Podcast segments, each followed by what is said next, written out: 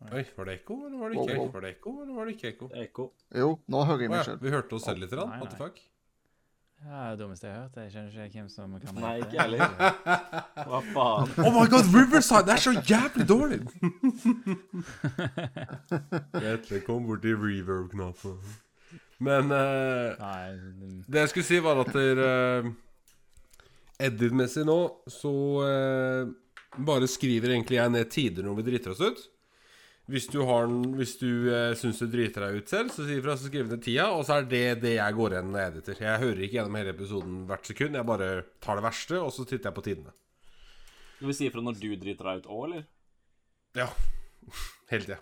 Jeg må egentlig bare ta Fra når Melvin begynner å snakke til Melvin slutter å snakke, pleier jeg bare å fjerne sånn direkte. Ja, riktig. Ok. Ja.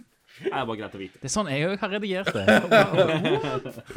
Tilfeldig at vi begge har kommet til den konklusjonen. Mm.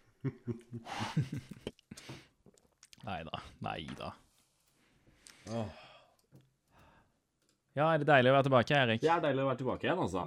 Det, etter et lite avbrudd eh, grunnet eh, ny jobb og nytt familiemedlem, så må jeg si det er deilig å tre inn i podkast-rekken igjen. Ja. Det er deilig å ha deg tilbake igjen òg. Det er deilig å se deg også, og høre deg. Det er deilig å ikke se deg. Oi, det kom ut feil. Hvordan, hvordan skulle det kommet riktig?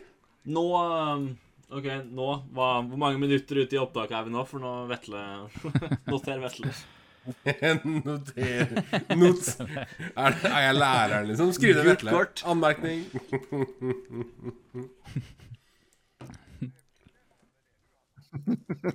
Hva- Hvordan er det for jeg, du er blitt det nå, det er det du har sagt, eller- så det- Nei, uh, eh, lite godt.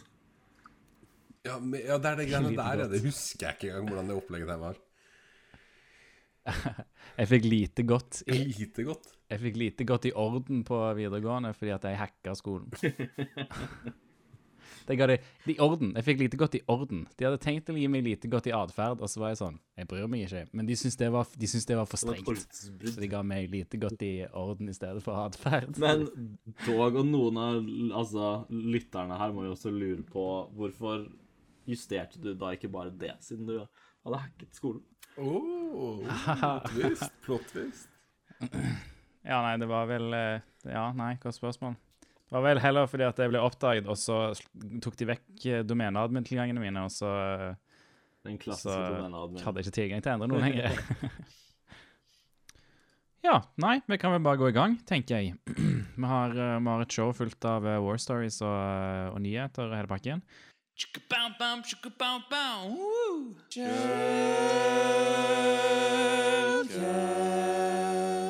Hei, og velkommen til episode 0x26 av Shellcast. Jeg heter Vetle, jeg jobber som pentester. Du finner meg på Twitter som at bordplate. Jeg heter Eirik, jobber som penetrasjonstester, og du finner meg på Twitter som 0xsv1. Jeg heter Melvin, jobber som penetrasjonstester. Du finner meg på Twitter under aliaset Flangvik. Jeg heter Alexander, og du finner meg på Twitter som Er det en ting? Alias, faktisk. Ja, pleier ikke å være handle? Har du fornorska det nå? Eh, nei, ja, jeg, jeg, jeg liker liksom å være veldig korrekt der, så jeg sier sant? alias. Eh, nei, jeg vet ikke. Altså, kunne du ikke teknisk sagt at du er under håndtaket? Wow. Og med det så tror jeg vi går rett til første war story. Eh, det var sånn, Melvin, at du hadde en eh, meget bra war story, som du beskrev det. Nå legger jeg dessverre opp til at eh, det må være meget bra. Eh, men det, det er jeg helt sikker på at det er. ja, ikke noe press der, nei. Mm, ikke noe press. Greit. Ikke noe press. Mm. Nei da, det, var, det er en veldig morsom historie. Um, så de siste fire ukene så har jeg hatt uh, det som heter en fish, up, fish og pivot, som egentlig da går ut på at du skal eh, utføre eh, en eh, sosial penetrasjonstest, eh, der du får lov til å bruke både e-mail-phishing og vishing, som er da over telefon. Og så har klienten satt noen mål. Han ønsker egentlig bare å bli, bli Altså at vi skal ta kontroll på infrastrukturen internt. Gjerne nå De har jo et, hva skal jeg si jeg holdt på å si løpebånd, men de har jo fabrikker i Kina som produserer produkter, så de lurte på om det liksom var mulig å pivote over til den delen av nettverket. Kunne vi liksom ha stoppa eh, produksjonsbånd i Kina? Eh, og den type ting. Så vi eh, begynte da med å gjøre litt osint. Fant noen fine malere på internett og satt sammen solide Det jeg velger å kalle solide phishing-e-poster. da. Det som er viktig å påpeke her, er at kunden gjorde det klart at han ikke ønsket å måle eh, Altså click rate, eller da hvordan Han ønsker ikke å teste brukerne. da. Det er det du vanligvis gjør i en, i en spear phishing-test. Så tester du brukerne. Hvor mange brukere rapporterer, hvor mange brukere klikker ikke, hvor mange brukere klikker, hvor mange brukere klikker og gir fra seg passord osv. Her så var ikke målet å å måle brukerne. Det var egentlig bare å ta over og, og altså, hacke dem, da, på godt norsk. Og da er det ut av vinduet, så da kan du umiddelbart gjøre disse phishing-e-postene mye, mye vanskeligere. Altså du kan eh, I tilfelle så hadde ikke kunden D-mark, så vi kunne jo spoofe interndomenet, så det så ut som vi sendte e-poster fra andre ansatte i bedriften til andre ansatte. Eh, og en del sånne type ting. da Så vi gjorde spare phishing. Eh, sendte ut godt over 50 e-poster totalt i løpet av en to ukers periode. Fikk eh, jeg tror det var seks interne eh, workstations kompromittert. Alle hadde lokal admin, da hadde vi system på de, eh, og så begynte vi å pivote derfra. Og det er for så vidt eh, veldig moro, det er greit. Det morsomme her er jo uh, vishinga, som er da telefonsamtalen. For jeg uh, skal jo naturligvis ikke ta noen telefoner, for jeg du hører jo umiddelbart at jeg ikke er amerikansk. Så det spilles ikke veldig bra. Så jeg fikk da eh, kollega og sjef på eh, Red Team vårt, Jason Lang, til å ta den telefonen. Han ringer eh, og gir en solid pretekst. Eh, preteksten her eh, var vel at der, eh, EDR-løsningen på datamaskinen Ok, jeg må, ha et, et steg tilbake. Jeg surrer litt, men Så, så targetet vi skal ringe her, er en IT-ansvarlig på Service Desk. Og det er jo for det første ganske ballsy. Det er jo ikke første personen du ville tenkt på å ringe når du skal lure noen, for de burde jo ha protokoller for hvem som liksom, At Du skal finne ut hvem som ringer, da, at de skal ikke gå på sånt noe. Ettersom de har tilgang til mye rart.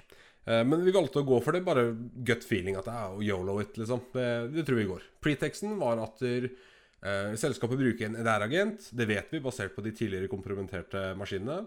Eh, vi bygger en pretext som sier at den EDR-agenten har slutta å fungere. Vi pusha en patch sist uke, EDR-agenten har slutta å fungere. Du må eh, installere et repair tool, eller du må kjøre et repair tool. da Jeg mokker da opp et repair tool i eh, Visual Studio Forms i C-sharp, som ligner på applikasjonen. Smekker inn ikonet, legger legger inn en lang og god fake terms of service.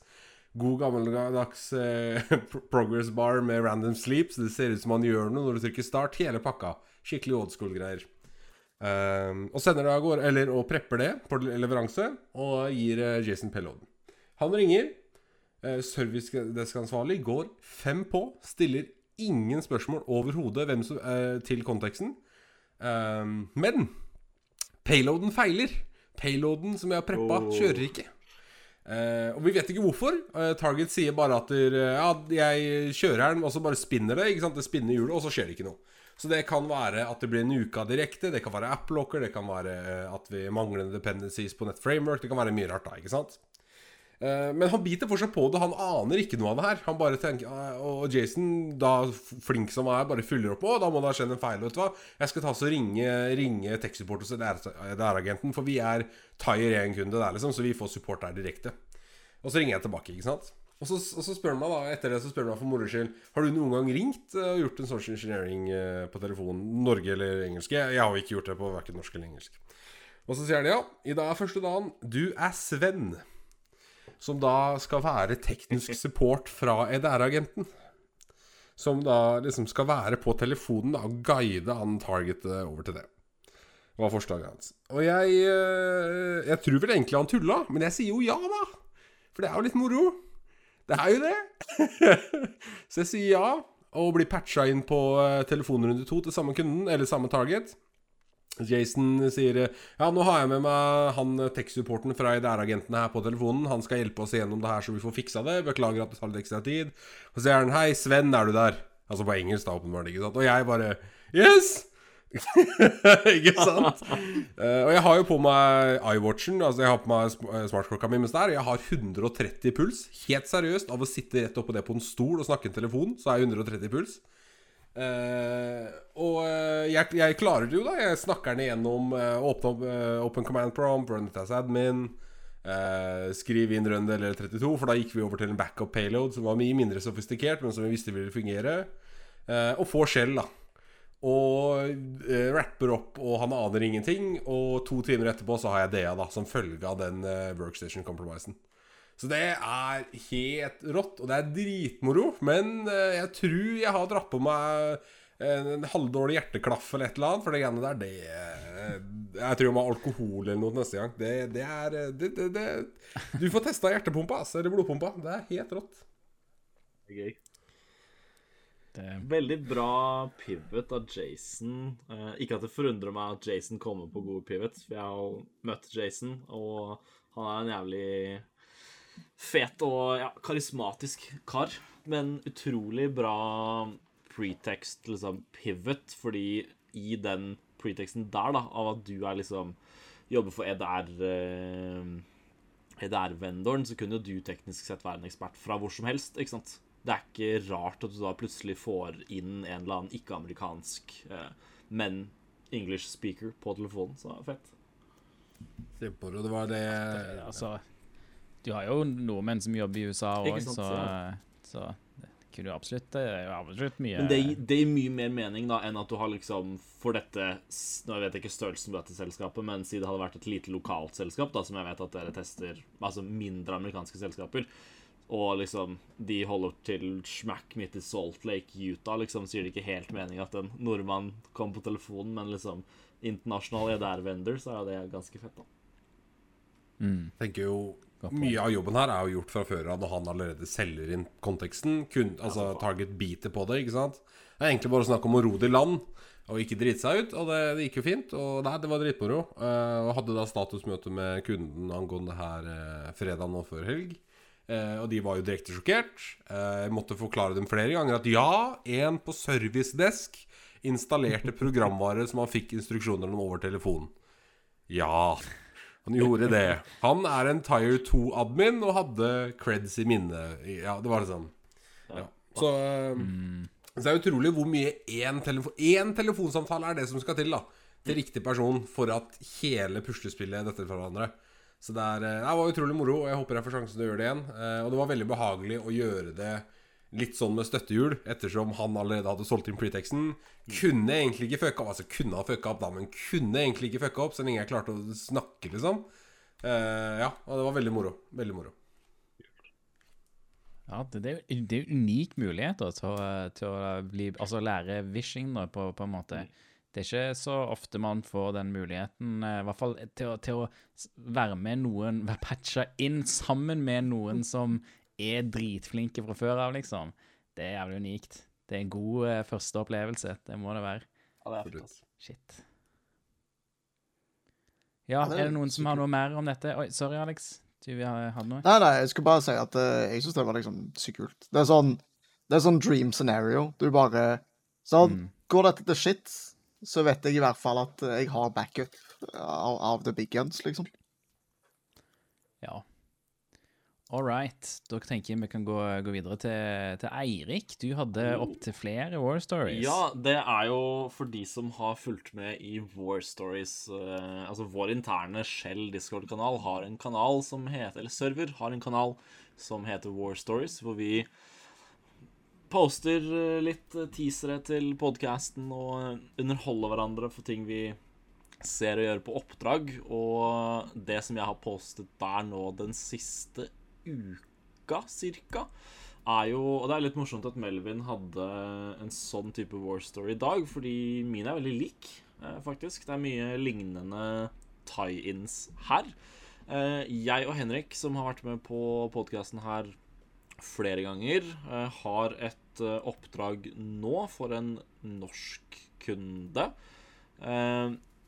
Eh, Jeg har skrevet ned en not Jeg er kjent for å ha en litt notater på War Stories innimellom for å ikke eh, kjøre meg helt vill. Eh, Siden dette er en norsk kunde, så har jeg liksom bare skrevet i notatene mine at uh, Las oss eh, En veldig spesifikk norsk kunde, og mange hadde gjenkjent de uh, fort. Så vi sier bare de holder på i truckbransjen. Uh, det gjør de overhodet ikke, men det er så spesifikt at hadde jeg i det hele tatt sagt hva de holdt på med, så hadde alle visst hva det var. Eh, bare sånn at jeg ikke får snakke meg her. Det er greit for min del. uh, men som Melvin sa, så ja, har vi holdt på med phishing-motiv, vi også. Uh, vi har hatt et eh, Eller vi har pågående nå. Vi er i den andre uken av et uh, ca. fem ukers langt oppdrag, som er en Ja, det, det jeg ville kalt en ordentlig norsk red team. Uh, vi er blitt leid inn av en uh, på white-teamet hos kunden, som det er bare én eller to hos kunden som vet om dette her. selv ikke CEO-en, så vidt meg bekjent, vet at vi holder på med oppdraget. Uh, men de har på en måte fått budsjett for å gjøre en sånn type test. Og ja, vi har liksom et white team. Det er jo da oss testerne, og så er det en kontaktperson på SOK, og så er det en bestiller som vet om dette, som jobber med IT internt i bedriften. Og første uka, første to ukene går jo vanligvis til på et sånt type oppdrag, da, hvor vi har liksom bare et wildcard um, scope går med også samme som, som Elvin sa. Oppdragsgiver her vil bare at vi skal bryte oss inn. Typ samme hvordan, men det skal gjøres remote. De er redd for hjemmekontorsårbarheter. De er redd for uh, phishing, vishing og ja, innbrudd fra internett. Så en av mine pretekster, eller en av mine liksom, uh, ting jeg ønsket å gjøre mot de, basert på liksom det norske klimaet for tiden, var å kjøre en SMS, eller smishing-kampanje. Ref. Eh, PST og NSM etc., som i det siste har advart mye mot flubot og SMS-fishing, og alle har jo garantert fått en form for spoofa SMS på mobilen med liksom en DHL-pakke eller et eller annet som er stoppa i pollen, nei, tollen som må betales for, etc. Så jeg tenkte å gå for det. Uh, Melvin her ler av pollen, så da stoppa jeg pollen. Det er helt riktig. Men ja. Jeg lagde en ganske, vil jeg si selv, ålreit uh, phishing SMS. Eller en serie med phishing SMS-er uh, som jeg sendte ut til kunden.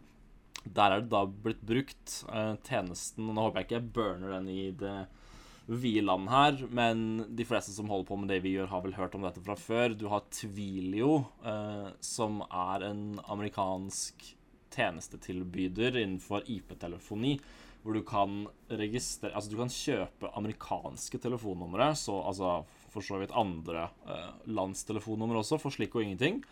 Og så kan du bruke API deres for å sende SMS, også gjøre telefonsamtaler etc. etc. Du kan lage robocallers, og det er masse fine legitime use cases for dette.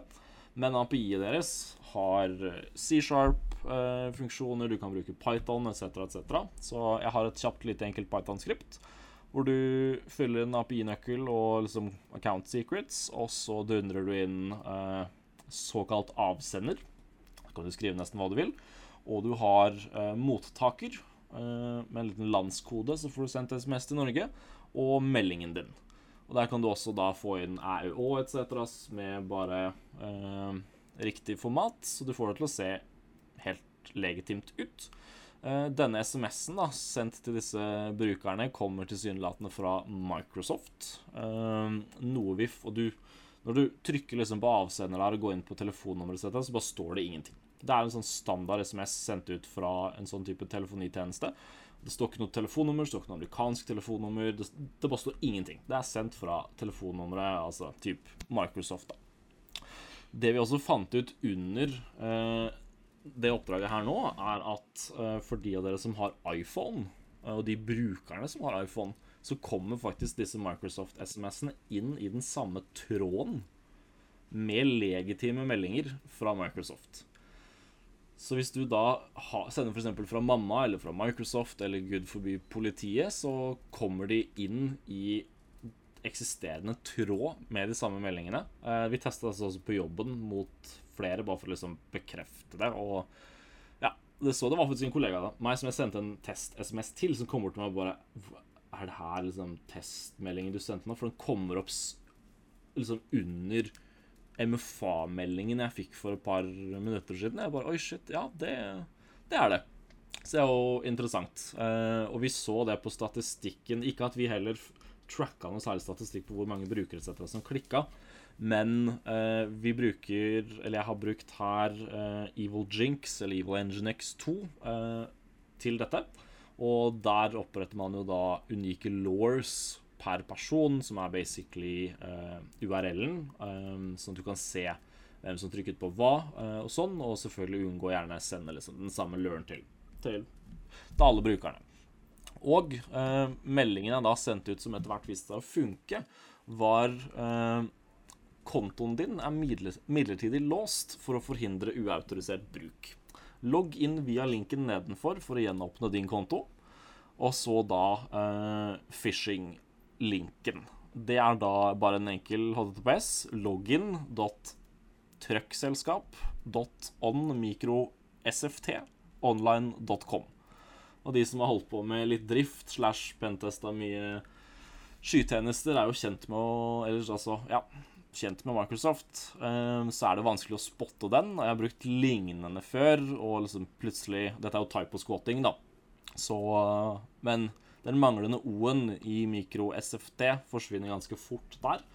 Og det var eh, flere som trykka inn på den, og tilsynelatende trodde det var legitimt. Og til slutt så var det altså noen som ga fra seg credentials her, som, som jo var veldig morsomt. Og det viser seg for denne kunden da, at de har flere tjenester med MFA på som vi ikke får tilgang til. Men som vi har snakket om her tidligere, i hvert fall du og jeg, Melvin, så er det ikke alle som er like flinke til å ha MFA på alt. Eh, og kunden her har så å si akkurat liksom gått over til å bruke Eller flytte liksom AD-miljøet sitt, holdt jeg på å si, opp i Asher.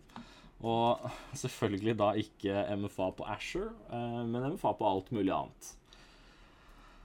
Og ja, nei, Uh, veldig interessant det er å compromise de via, via da smishing, holdt jeg på å si, og, og, videre inn i Asher og følge med på alt fra ja, e-poster, Teams, eh, potensielt eksfiltrere data etc.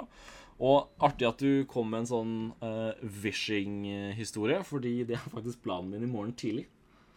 Fordi de har eh, MFA inn på sin uh, eh, VDI-portal.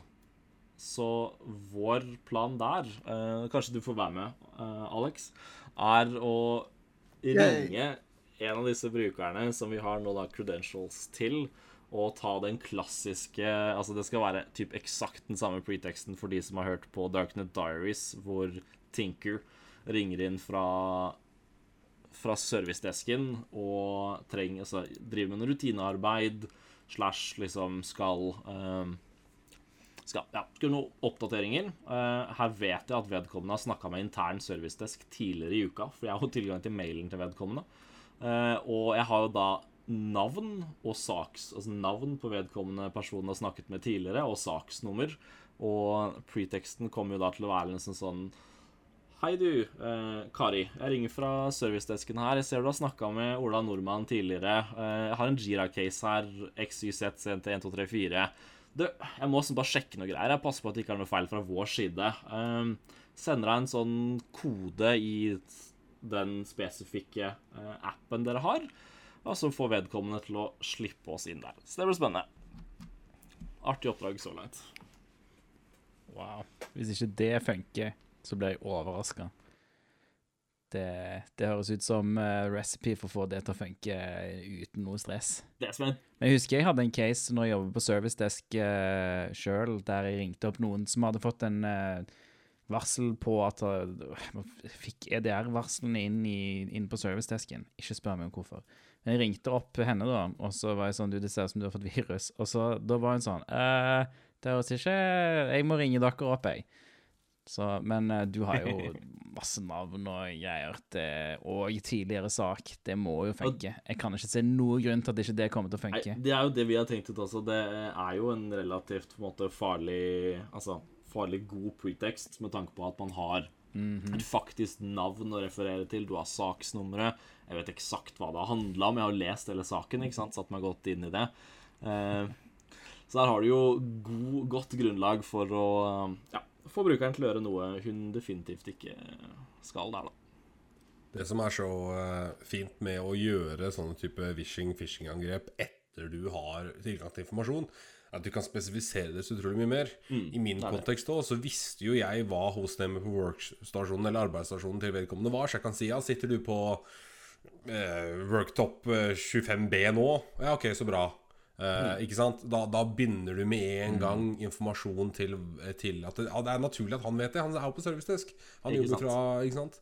Den type ting, da. uh, så det er, det er kjempeinteressant. Jeg er jo uh, ikke overraska over at dere, disse SMS-ene dukker opp i samme pretext som Microsoft på, på iPhone og sikkert også Android. Jeg vet ikke om du har sett.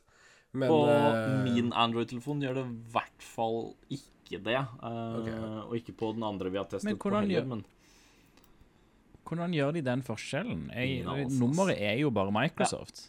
Sant? der kommer det i to forskjellige en- tråder. Men jeg bruker jo Signal da, eh, for å oute meg eh, på Jeg bruker Signal som min default altså SMS-app eller messaging-app på Androiden min, så kan være derfor. Um, ja. På iPhone i hvert fall så tikker den inn i den samme tråden, og det ser jo veldig legitimt ut. Og jeg har jo fulgt Ja, ja, ja. med i, uh, i webserverloggen på Evil Jinx 2, og det har bare vært så Det er liksom kun iPhone-brukere nesten som har trykka på den. Fordi, Og det må jo være fordi den kommer inn den samme tråden, ikke sant. Den er skummel. Ja, men uh, det er ikke bare den preview-vinduet uh, preview-vinduet du, du har sett, da?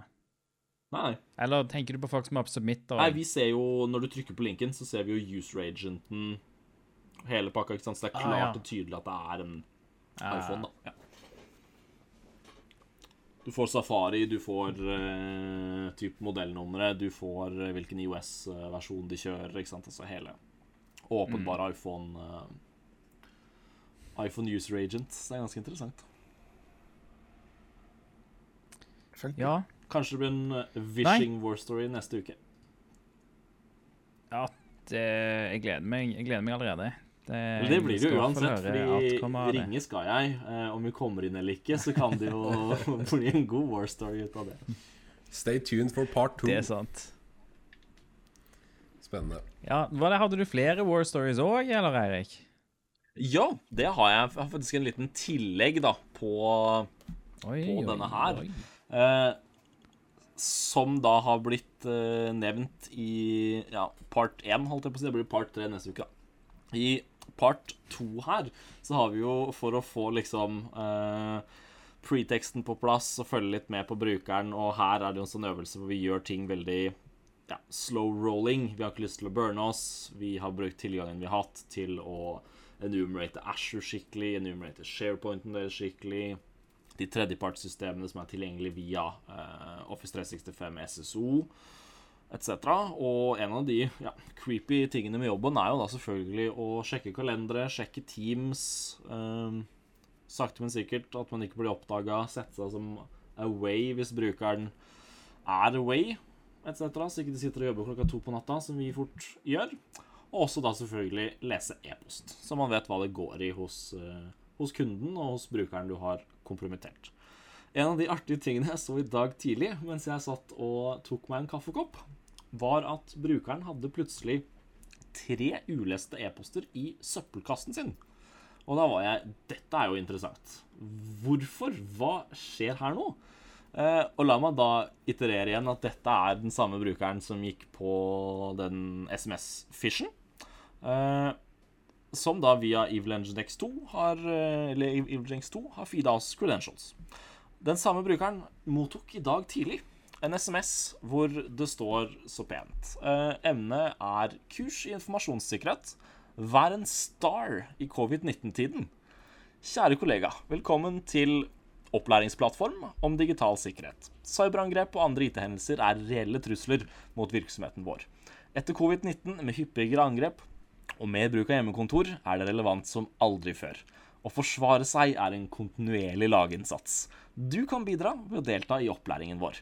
Og så er det en sånn stor, fin knapp som er start leksjon, og et sånn teambuilding-bilde hvor de drar hverandre oppover en fjellside med tau.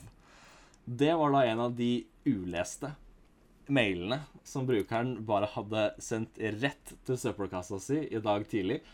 mens det sitter noen i hennes komprimenterte kompromitterte mailboks og ser da at eh, den ene brukeren som gikk på en fish i et relativt ja, lite selskap, eh, sånn i hvert fall brukermessig, bare sletter den invitasjonen til å ta informasjonssikkerhetskurs direkte. Og en gang utenom å lese den. Det, jeg satt nesten kaffen i halsen når jeg så det der. Så. Jeg skulle til å si eh, Jeg tenker på alle lytterne våre som akkurat har fått en slik e-post denne uka her, og som har lagt den i trash, og bare Oi, Eirik har tilgang til e-postkontoen min, ja. ja. Eh, Legg da gjerne inn en kalendervent eller noe sånt, så ser jeg den jeg logger inn i morgen tidlig. Ja, Hei, Eirik! hei, hei.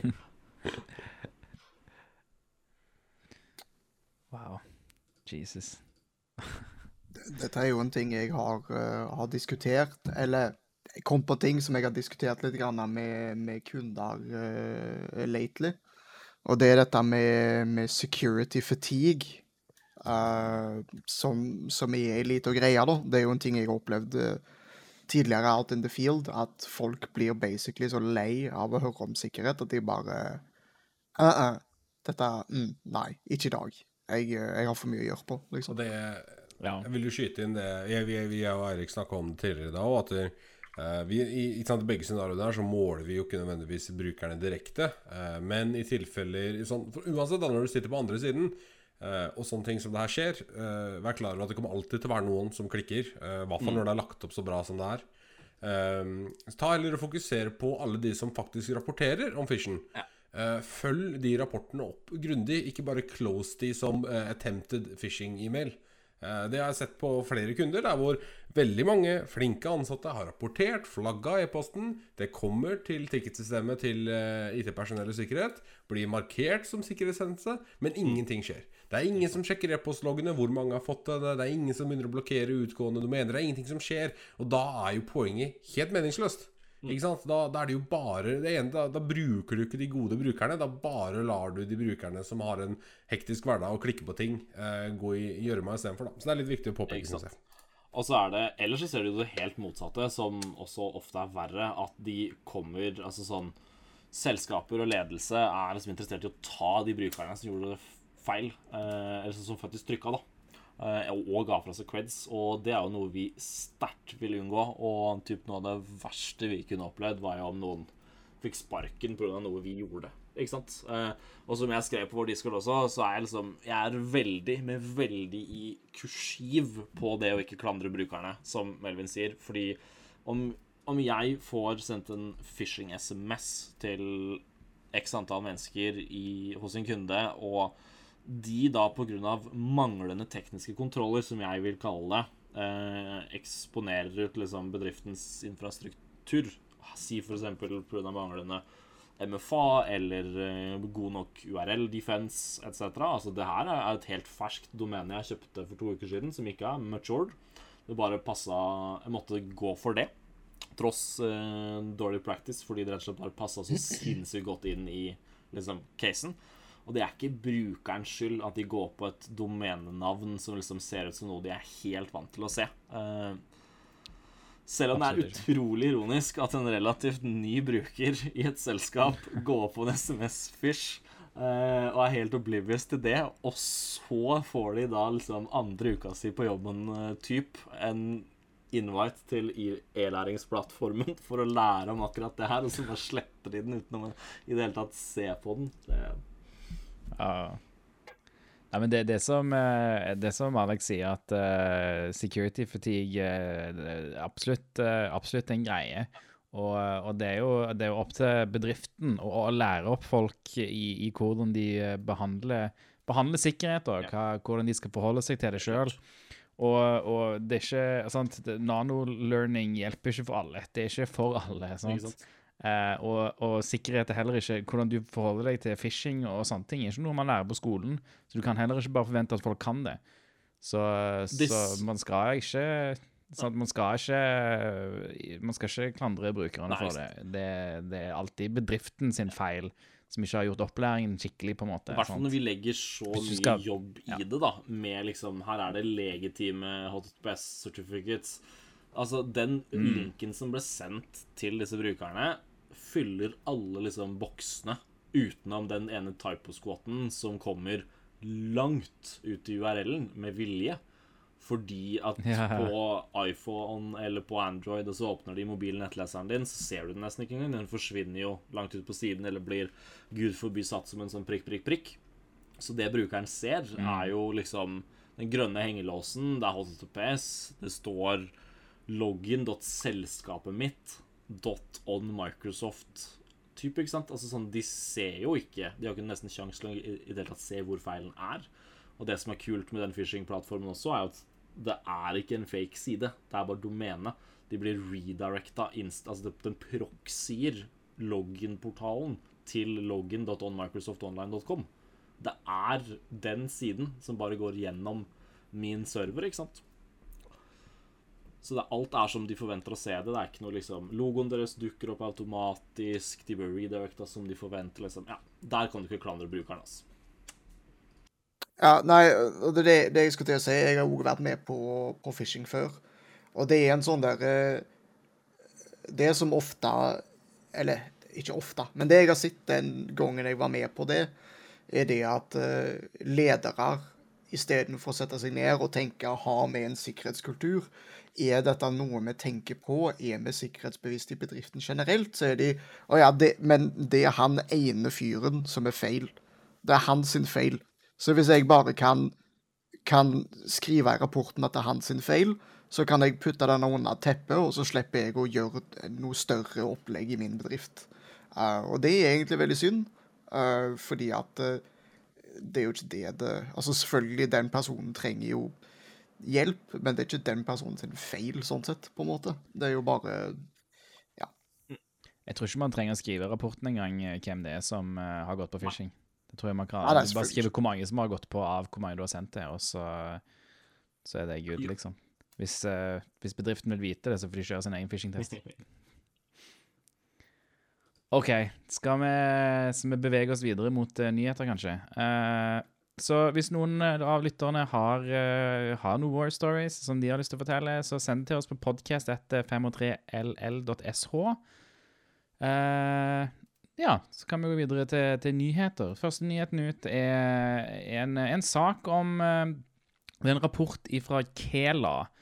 Uh, som, uh, som eh, Der de har funnet ut og De har gjort noe eh, forskning, eh, skal jeg si. De har gjort noe research på, på hva slags type Hvordan uh, ransomware-kriminelle da kjøper tilganger til diverse til diverse eh, victims da, som de har.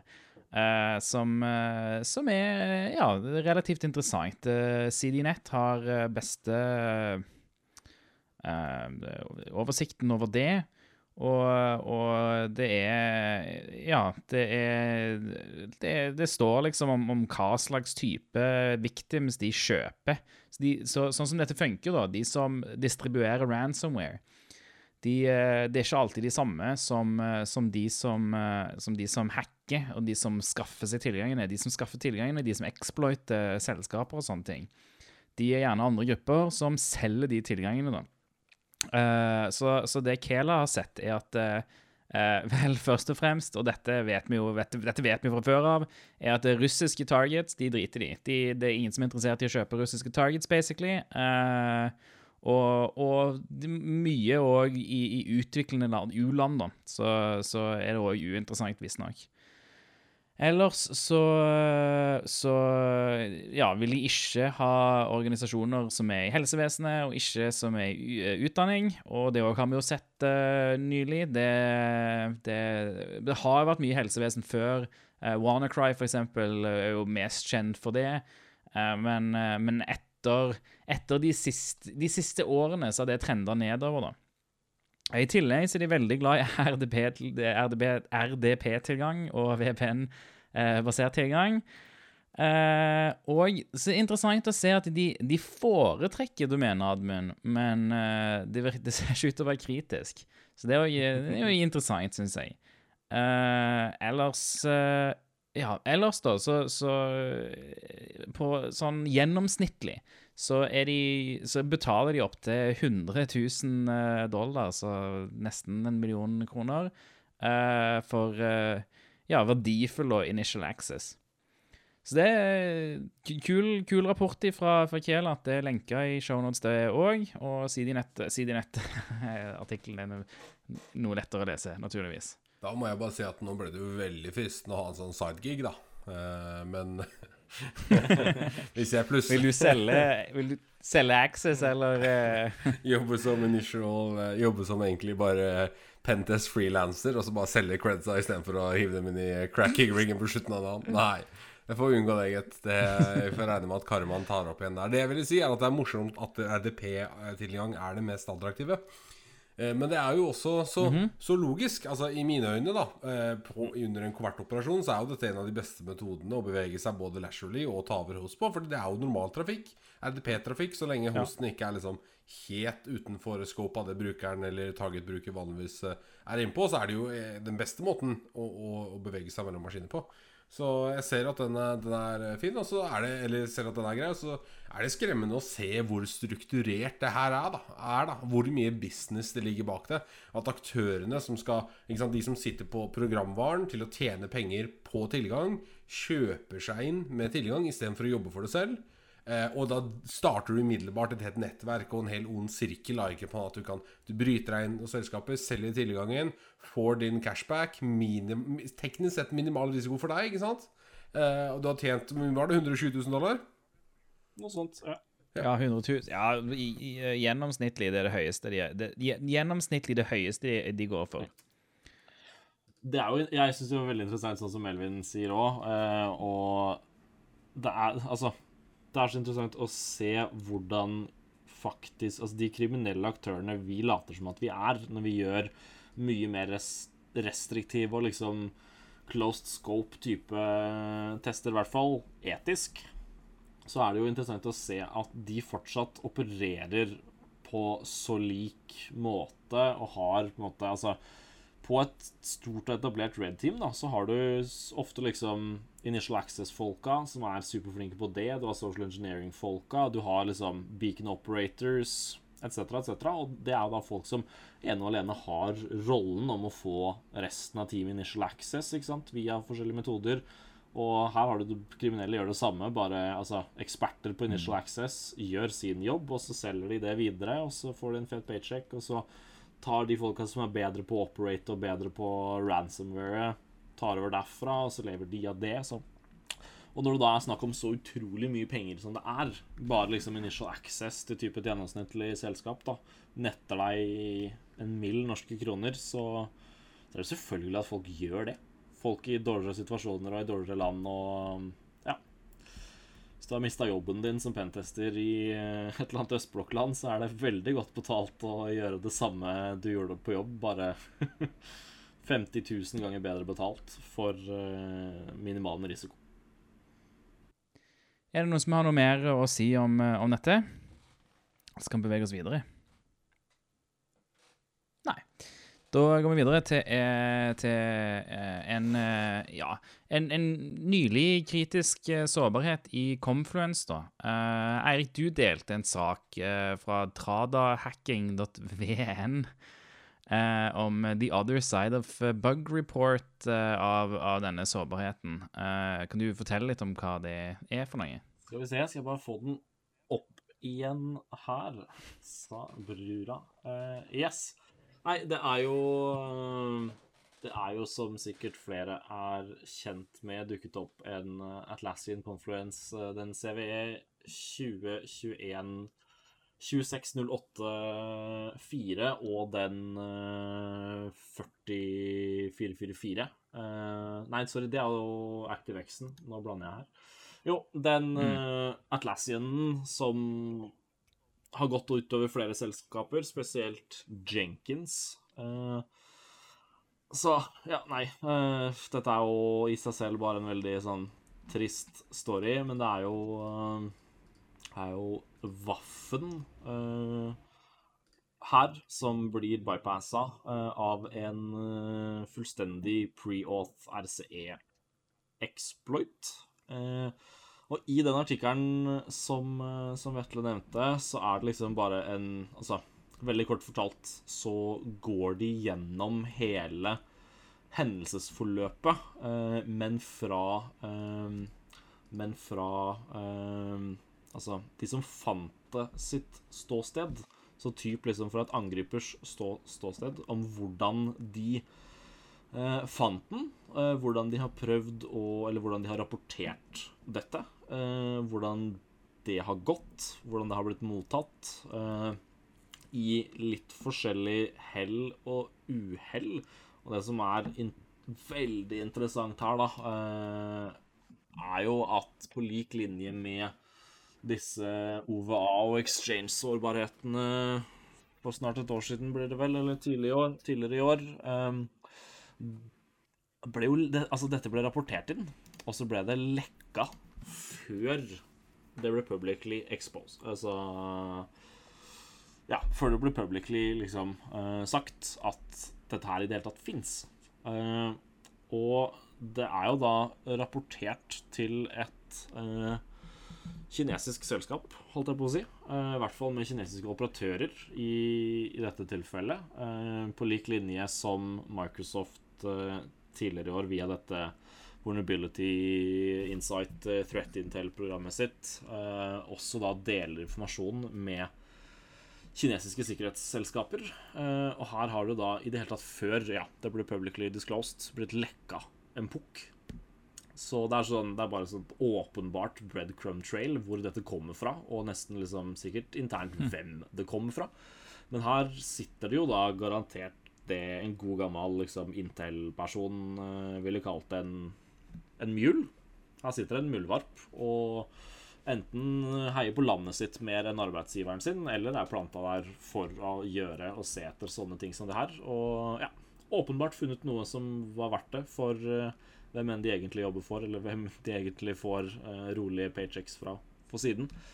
Og ja, delte dette med trusselaktører, tilsynelatende da Kina, uh, gjennom VMware. Og ganske skummelt. Nå er jo dette aktivt exploita og har jo gått hardt utover Jenkins, som uh, har kjørt dette.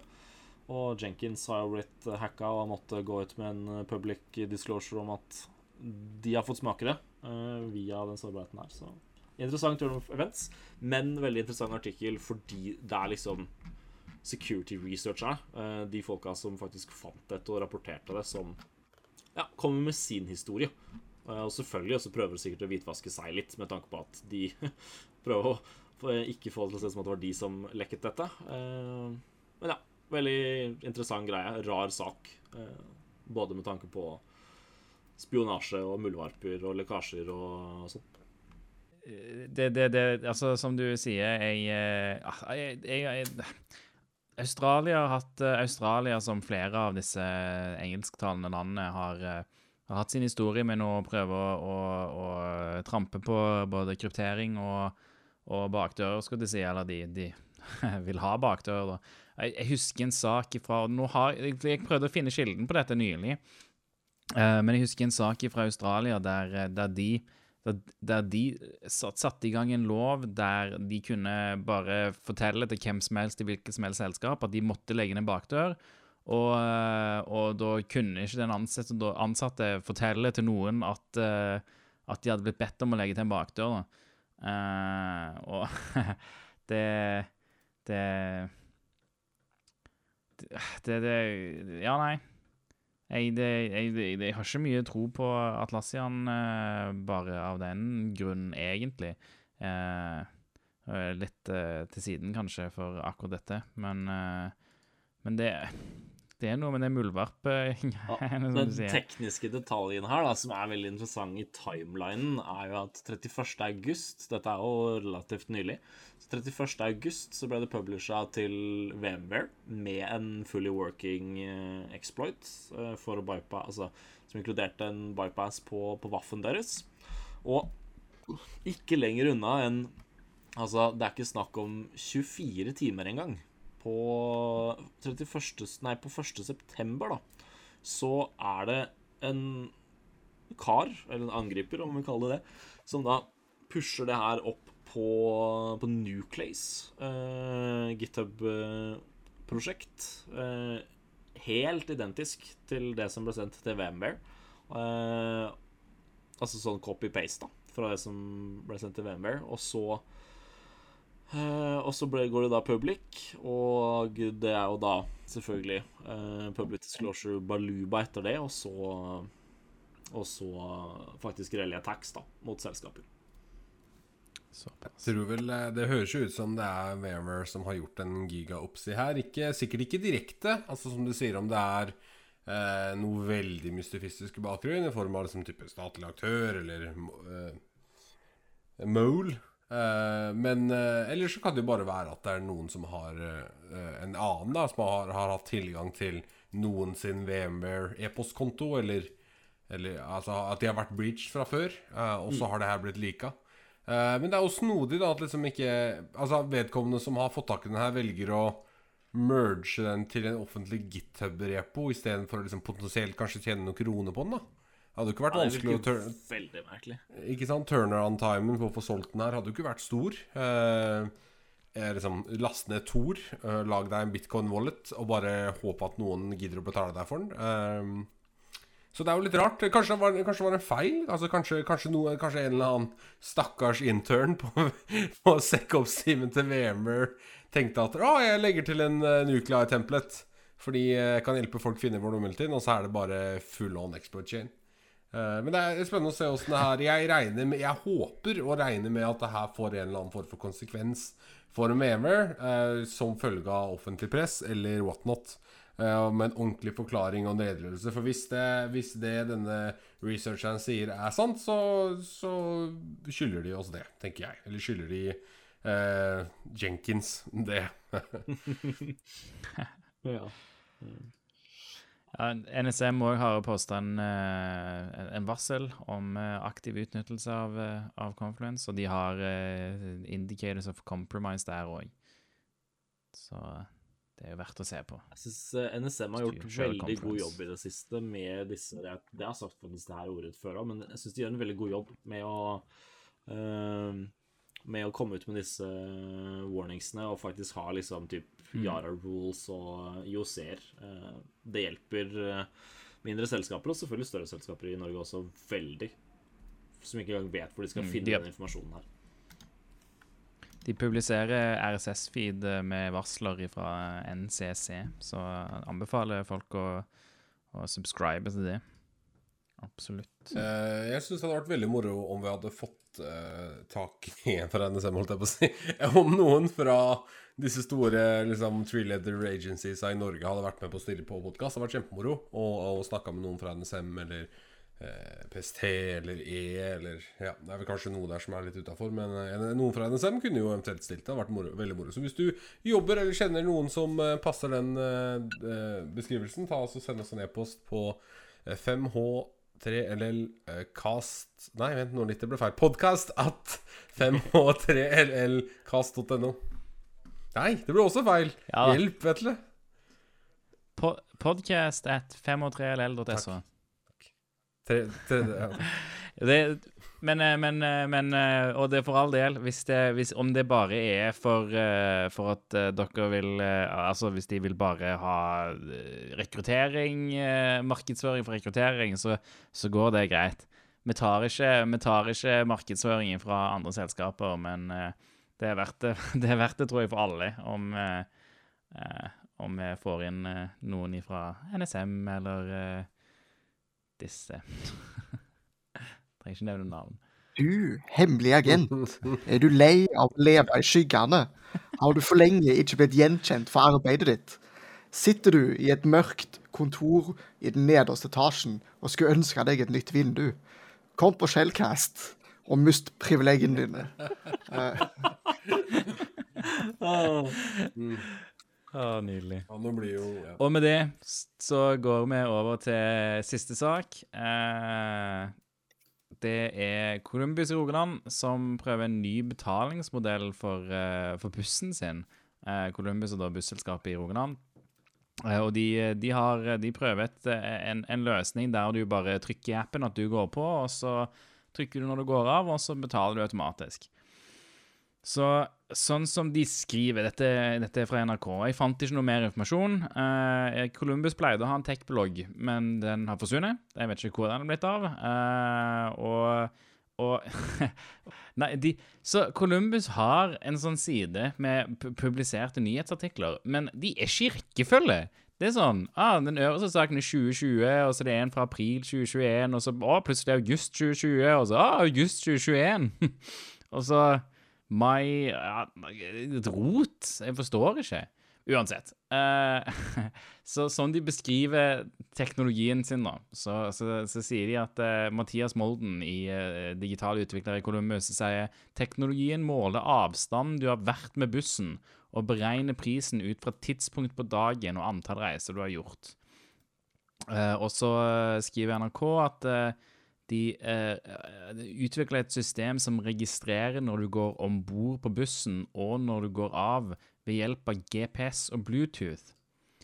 Som er utrolig forvirra over hvordan de kan eh, hvordan de har lagd et system som Altså, i, i lys av alt, alle, all problematikken med smittestopp i fjor, eh, så kan jeg ikke forstå at de har kommet opp med et system som ikke er personvernvennlig.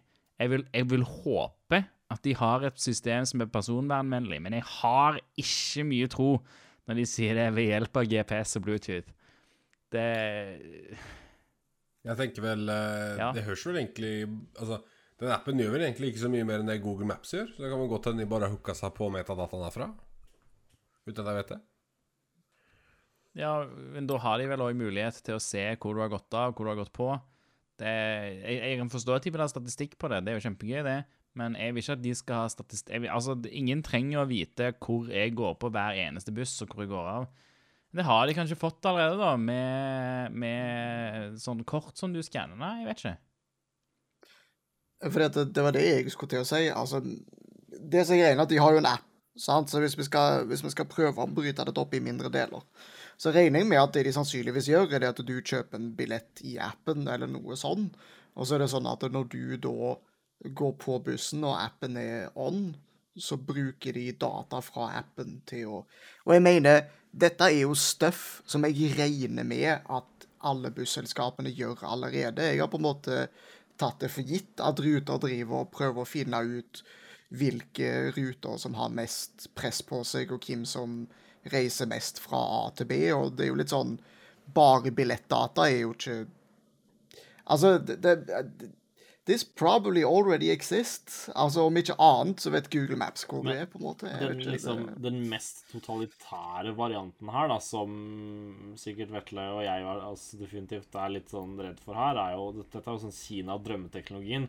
For hvis du ser det på den mest liksom ja, the evil side of the coin, så er det jo potensielt snakk om at du må ha på Bluetooth og GPS-sporing på telefonen din, og når du entrer bussen, så sitter det et beacon eh, i den. Dette er jo beacon, beaconing-teknologi, eh, potensielt, som da registrerer liksom den Altså unike Bluetooth-identifieren som appen vet at telefonen din har. Den entra bussen på, på X holdeplass, og så var du på bussen i en tid til Y holdeplass, og der forsvant bikene, så de regner med at du gikk av. Eller selvfølgelig at de eh, puller eh, Gud forby har GPS-en direkte på telefonen din, selv om dere regner med at det er bussen som trackes her, og hvor lenge du var Altså hvor lenge du beacona på bussen under fart, ikke sant, fra X til Y. Eh, men fortsatt, da. Det er jo og, og, og ja, jeg tror nok de aller fleste liksom, selskaper gjør dette i en eller annen form uansett. Og du kan jo, altså hver eneste buss, trikk, T-bane, tog er jo videoovervåka fra ende til annen, så de kan jo fortsatt liksom potensielt se på deg der hvis du skal være helt tinfoil og sånne ting, og tracke deg via det. Eh, det brukes jo x antall politicaser og som bevis på ting og sånn, men det at de gjør det så blatantly obvious etter liksom smittesporing og skal ha deg da potensielt til å være med på et sånt der beaconing-eksperiment, det syns jeg er creepy. Uh, og jeg er jo en av de skada personene som så ofte jeg husker det, skrur av liksom Bluetooth og, og Wifi når jeg går hjemmefra eller går fra kontoret, fordi Ref, han norske Beklager at jeg ikke husker hva du heter nå, for jeg vet du hører på den podkasten her. Men uh, han som har gjort denne Noroff eh, studiecasen rundt eh, tracking av Bluetooth og sånn, eh, som har hatt litt furore furore på norske eh, LinkedIn. Eh, utrolig bra rapport og research og sånt der. Eh, han kunne kanskje fått på poden en, en gang. Eh, men liksom, i lys av det, da, og hvor mye sånn ja, traction, sånne type tracking-ting, spesielt via Bluetooth, har fått i det siste, så er det jo, med tanke på smittesporinga, rart at de liksom går for noe sånt, som Vetle sier. Ja, det Sorry, Alex, jeg bare overkjører litt, jeg. Eh, jeg er overraska over, over at eh, de skriver at eh, teknologien registrerer mobiltelefon som eh, følger, eh, følger en buss på en strekning, men det kan skje at en merker seg mobiler som er i en bil som kjører bak bussen òg. Det, det, får meg, det får meg til å tro at de har jeg, jeg, jeg skjønner ikke. Hvis du bare bruker GPS, på en måte, så og du må jo trykke at du går på òg. Jeg forstår, de, de har delt så lite her at ting henger ikke helt på greip. Hvis du må trykke at du, skal, at du går på bussen, hvordan kan han bare randomly registrere noen som er i en bil bak bussen? Bikening.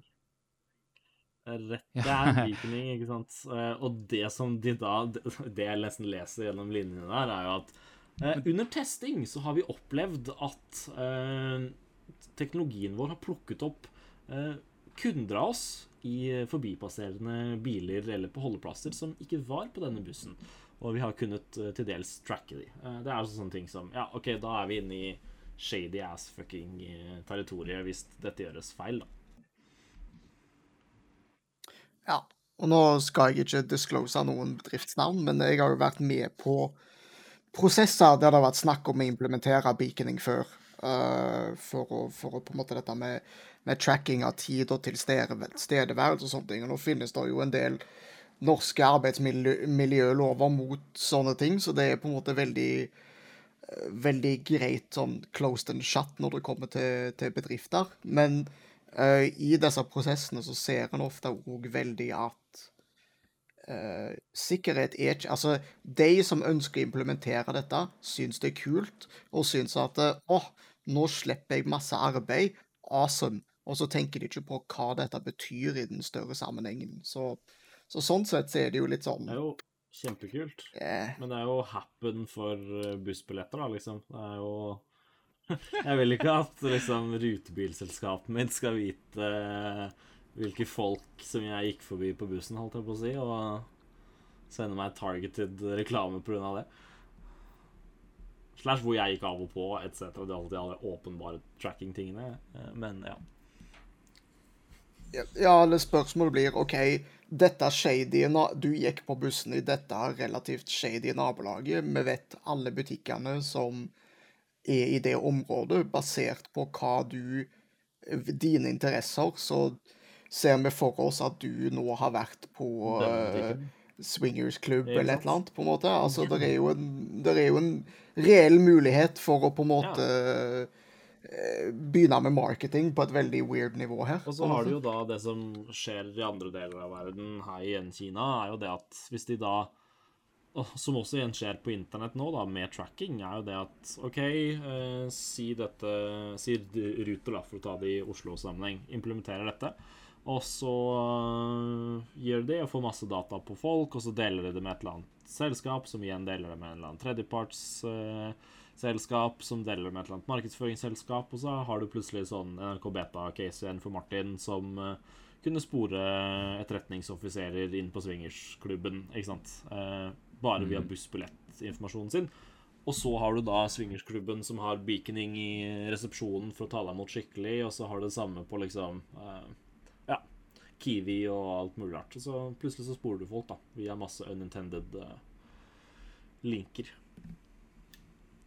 Ja, nei, det, det er, eh, altså, Nå er det vanskelig å vite nøyaktig hvordan, hvordan dette funker, selvfølgelig. Men det jeg savner ifra, ifra offentlige selskaper, da For, for alle, alle kollektivselskaper i Norge er vel er offentlig eid, hvis jeg ikke tar helt feil. Det jeg savner, er, er at eh, når de begynner å bruke teknologi som Bluetooth og GPS, så, må de, så synes jeg de må offentlig gå ut og si nøyaktig use-casen.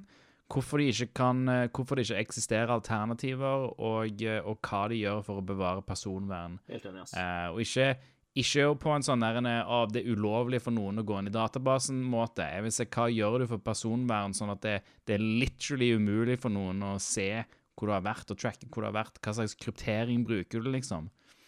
Helt enig. For, eh, for etter dette med smittestopp, så, så ser vi at, eh, at eh, folk Altså, det, det- offentlige klarer, klarer ikke å lage løsninger eh, som Altså, de, de, de, holder, de, holder ikke, de holder ikke seg sjøl i tøylene når de skal lage disse løsningene. Når de bruker GPS og Bluetooth, så, så, så, så, lager de, de bare går for den enkleste løsningen over det som er den mest personvernvennlige løsningen. Så jeg er skeptisk når jeg ser eh, at, det- at eh, det skal brukes mer GPS og sånne ting. Og, og, og noe av dette, noe av det jeg reagerer på her, er òg at, at dette er ikke Det er ikke sånn at dette er et alternativ, at du bruker dette i til... De, eller de fronter det ikke som et alternativ. De fronter det som dette her blir eh, erstatningen for måten appen funker på nå. Eh, og, og, og hvis du må bruke GPS og Bluetooth, så, så ser jeg ikke at det, er, at det er en god løsning. Helt enig. Jeg kom forresten på hva han jeg snakket om het, så siden jeg slakta Slakta det i stad, er sikkert flere som er interessert, eh, så er det den up and coming IT-fyren i Norge, Bjørn Martin Hegnes, som har skrevet en researchoppgave mens han studerte på Noroff, som er da hvordan eh, Bluetooth-devices spesifikt, ref denne saken, kan brukes for å tracke deg. Veldig kult. Ja, lenke til det i shownotes, som vanlig. Snart. OK, da, eh, da, da var vi ferdig med alle nyhetssakene òg. Så eh, da skal jeg fort eh, kjapt liste opp de siste ressursene vi har snakka om i vår Discord i det siste. Og Det begynner med Liquid Snake, som er et verktøy som som eh, tillater operatører å utføre filløs lateral movement med VMI Event Subscriptions og Gadget to JScript. Trusted Tech har skrevet en artikkel om hvordan de eh, bruker Obsidian til å dokumentere eh, Red Team og pentesting eh, eh, aktiviteter og gjenbruk. uh, P-Trace Security på Twitter skriver om en Burp Suite RCE. Eh, på GitHub så har vi Secure This Shit, som skriver om NTLMV1 downgrade, uh, eller downgrade fra NTLMV2 hashes til uh, 1 eh, i real time. Og så har vi Chainsaw Rapidly Search and Hunt Through Windows Event Logs. Det er for Blue Team. Ops, la den kommentar der. Det skal gjøre. og til slutt så har vi Ghostpack med Restricted Admin, som er, er et verktøy for å remotely eh, enable restricted admin mode. Og eh, ja, alt dette ligger selvfølgelig i shownotes. Hvis det er noe som høres interessant ut, gå og ta en titt der. Og eh, så til slutt så vil jeg si at vi har en kanal på Norsex Discord. Når du har joina der, gå til Shellcast-kanalen, Shellcast podcast-kanalen, si hei til oss. Eh, Hvis du er interessert i å sende lytterspørsmål eller forslag til nyhetssaker eller War Stories f.eks., så, eh, så gå til informasjonskanalen, trykk på mikrofonikonet, og så får du tilgang til å skrive i Shellcast Submissions-kanalen i tillegg. Så da, da avslutter vi denne episoden. Og eh, hvis du har noe bidrag eller spørsmål, noen kule War Stories vi kan fortelle, send oss en e-post på podcast503ll.so. At oss på Twitter, at Shellcast.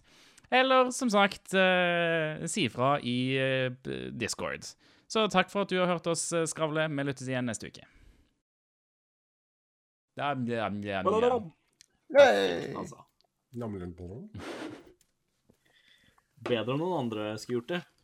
Ja, noen som ikke klarer å lese ut e-posten vår høyt, f.eks. Eller Sven, da, selvfølgelig.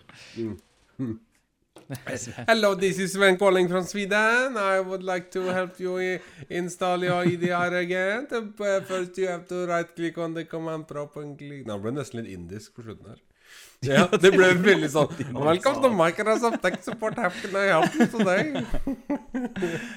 Det gikk liksom på svensk, og så ble det gradvis mer indisk på slutten her. Det er bra content her nå. Mm. Jeg googla Sven from Sweden fordi jeg fikk noe sånn der, typ sånn Eurotrip American Pie, hvor du alltid har han derre svenske surferduden med det lange håret og sånn. Men uh, Sven from Sweden Fikk du opp How Much Mother? Uh, Nei, faktisk ikke. Men Sven from Sweden er da en relativt kjent gateartist i uh, Prag.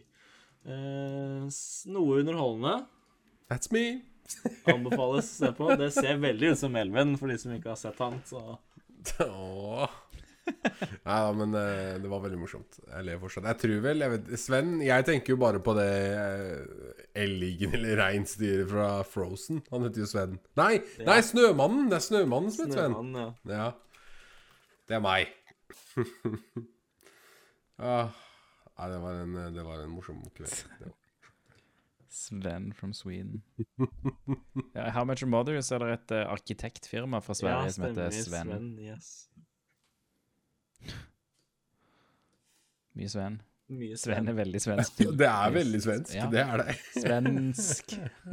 Er det ikke i, i frykt for at noen eh, svenske lyttere, holdt jeg på å si, om det fins, i outroen her uh, Er ikke liksom Sven from Sweden typ sånn Ola Nordmann?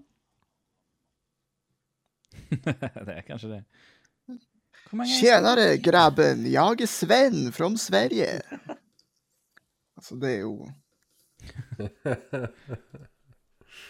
Jeg skal aldri prøve meg på dialekter på podkast. Nei. Det, Det er aldri bra. Nei. Nei, det går Men det jeg vet at det kommer til å ende bra, så jeg vet at noen kommer til å enten le hardt fordi det er så dårlig, eller le hardt fordi det er så riktig. sant? Det er enten så vinner jeg, eller så vinner jeg på dette her, føler jeg. Shit. Good point. Solid point, bra. Solid point. Very good point.